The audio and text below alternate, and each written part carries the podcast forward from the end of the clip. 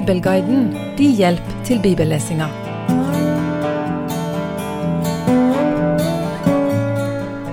David har nettopp felt kjempe Goliat, og har vel nærmest blitt lova gull og grønne skoger av kong Saul. Saul han har truffet David tidligere, siden David spilte harpe for Saul, men kongen har nok nå fått sett ei annen side av David som er mer skremmende. Og Det er sånn jeg forstår ikke usannsynlig at òg Jonathan vet hvem David er. Jonathan var Sauls sønn og tronarving, og det er vel ikke usannsynlig at han hadde truffet denne gjetergutten som kunne spille på harpe for å roe ned faren.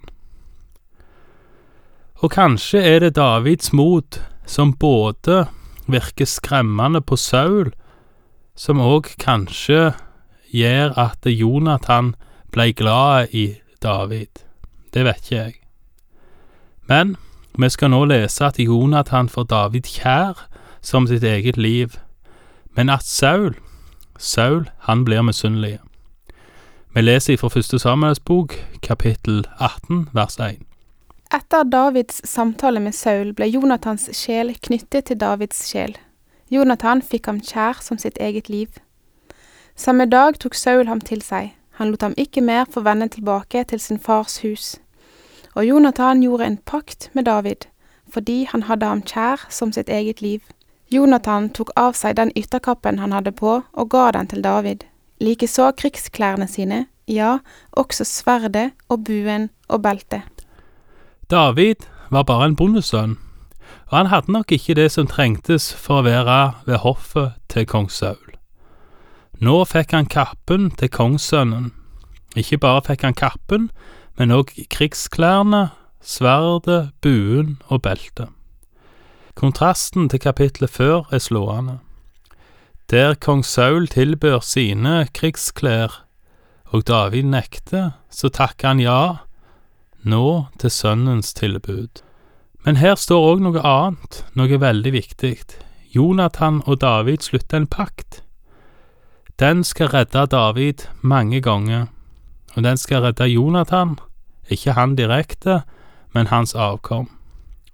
Vi leser videre ifra vers fem. Så dro David ut. Han bar seg klokt i alt det Saul satte ham til. Saul satte ham over krigsmennene sine, og han var vel likt av hele folket, også av Sauls tjenere. Så skjedde det da de kom hjem, da David vendte tilbake etter at han hadde slått filisteren, at kvinnene gikk ut fra alle Israels byer for å møte kong Saul med sang og dans, med tamburiner og med gledesrop og musikk. Og de dansende kvinnene istemte en sang og sa, Saul har slått sine tusener, men David sine titusener. Da ble Saul meget vred, for dette ordet likte han dårlig, og han sa, De har gitt David titusener, og meg har de gitt tusener. Nå står det bare tilbake at han får kongedømme. Fra den dagen så Saul stadig skjevt til David. Dette er første gang det står at Saul så skjevt til David. Jeg lurer på om kanskje Saul har hatt noen lignende tanker før. Kanskje når David slo Goliat? Eller kanskje før han slo Goliat? Når David uredd la ut om at han hadde drept både det ene og det andre, og at han ikke var særlig redd for denne kjempa som Saul trolig var livredd. Saul var forresten livredd med god grunn. Menneskelig sett så hadde jo Saul og israelsfolket rett. Goliat var man redd med god grunn. Så blir David helt når han feller Goliat, og nok allerede der kan noen ha tenkt at Saul burde ha gjort dette sjøl. Kanskje Saul òg tenkte det samme. Så synger kvinnene om David som slår titusener, mens Saul bare slår tusener. Og her beskrives nok vi mennesker ganske presist, i alle fall noen av oss. For har ikke mange av oss merka hvordan hyllesten eller skrytet eller den hederlige omtalen vi har fått, blir devaluert av at noen får mer. Kvinnene sang at Saul slo tusener, og var det meint bokstavelig, noe det nok egentlig ikke var, så er det virkelig noe å være fornøyd med. Hadde det ikke vært for denne David som slo titusener. Dessverre ganske lett å kjenne seg igjen i tanken og følelsen til kong Saul akkurat her. Vi leser videre fra vers 10. Dagen etter kom det en ond ånd fra Gud over Saul. Han profeterte inne i huset, og David spilte på harpen, som han pleide å gjøre hver dag. Saul hadde et spyd i hånden. Da kastet Saul spydet og tenkte, jeg vil støte det gjennom David og inn i veggen. Men David bøyde seg til side for ham to ganger. Saul var redd for David, for Herren var med ham, men han var veket bort fra Saul. Derfor sendte Saul ham fra seg og satte ham til høvding over tusen. Og han gikk foran folket både når de dro ut og når de kom inn. David bar seg klokt i alt han tok seg fore, og Herren var med ham. Da nå Saul så at han bar seg meget klokt, ble han redd for ham. Men hele Israel og Juda hadde David kjær, for det var han som dro ut og dro inn foran dem. Her kommer det klart fram hvordan utviklinga for David kom til å bli.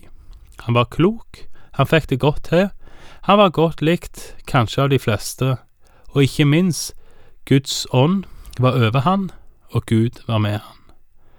Alle disse grunnene var gode grunner til at Saul skulle frykte David. Saul har allerede forsøkt å drepe David sjøl, og nå skal han forsøke på en enda mer utspekulerte måte, å love vekk sin datter, samtidig som han sender David i et slag der han forventer at David skal bli drept. Vi leser videre fra vers 17. Og Saul sa til David, Se, her er min eldste datter Merab, henne vil jeg gi deg til kone. Vær meg bare en tapper sønn, så du fører Herrens kriger. For Saul tenkte, min hånd skal ikke ramme ham, men filistrenes hånd skal ramme ham. David svarte Saul, Hvem er jeg, og hvem er min familie, min fars ett i Israel, at jeg skulle bli kongens svigersønn? Men da tiden kom at Merab, Sauls datter, skulle bli gitt til David, ble hun gitt som kone til Adriel fra Mehola. Saul lurer David her, og han lurer han faktisk to ganger. Først så har han lova si datter til den som felte Goliat, og så krever han at David skal gå i krigen enda en gang, og ikke bare det, når han kommer tilbake igjen fra denne krigen, så har han allerede gitt dattera til en annen. Og det blir verre, for Saul skal be sine tjenere lyge for seg, og Saul skal utnytte at ei annen av hans døtre har fått følelser for David. Vi leser fra vers 20. Mikael, Sauls datter, elsket David. Da Saul fikk vite dette, syntes han godt om det. Saul tenkte, jeg vil la ham få henne, så hun kan bli til snare for han, og filistrenes hånd kan ramme ham. Og Saul sa til David, ved min andre datter skal du i dag bli svigersønnen min.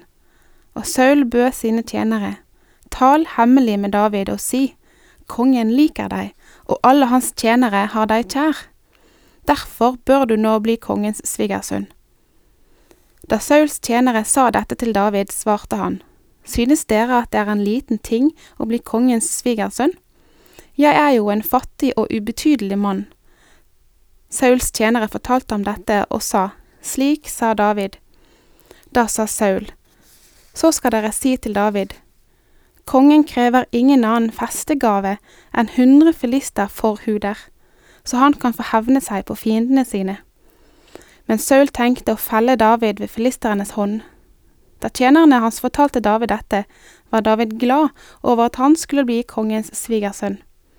Og før tiden ennå var ute, gjorde David seg i stand og dro av sted med mennene sine og slo i hjel 200 mann blant filisterne. Og David tok deres forhuder med seg og la dem fulltallig framfor kongen, så han kunne bli kongens svigersønn. Da ga Saul ham sin datter Mikael til kone. Nå kunne Saul se og forstå at Herren var med David, og Mikael, Sauls datter, elsket ham. Da ble Saul enda mer redd for David, og Saul var Davids fiende all sin tid. Så dro filisternes høvdinger ut i krigen, og så ofte de dro ut, bar David seg klokere at enn alle Sauls tjenere, og han fikk et ærefullt navn. En fæl historie, Ikke bare dreper David 200 filistere som betaling for kongens datter, han skjærer forhuden av de som bevis. David får Mikael, Sauls datter, til kone. Vi skal i seinere kapitler lese at dette forholdet ikke alltid var like lett, og en kan stille seg spørsmålstegn med hva som menes når det står at Mikael, Sauls datter, elsket David. Uansett, David har befestet sin stilling og er kongens svigersønn. Kongen har både direkte og indirekte forsøkt å drepe David. Legg merke til at David ikke gjengjelder dette. Det skal vi komme tilbake igjen til seinere. Takk for i dag, og Herren være med deg.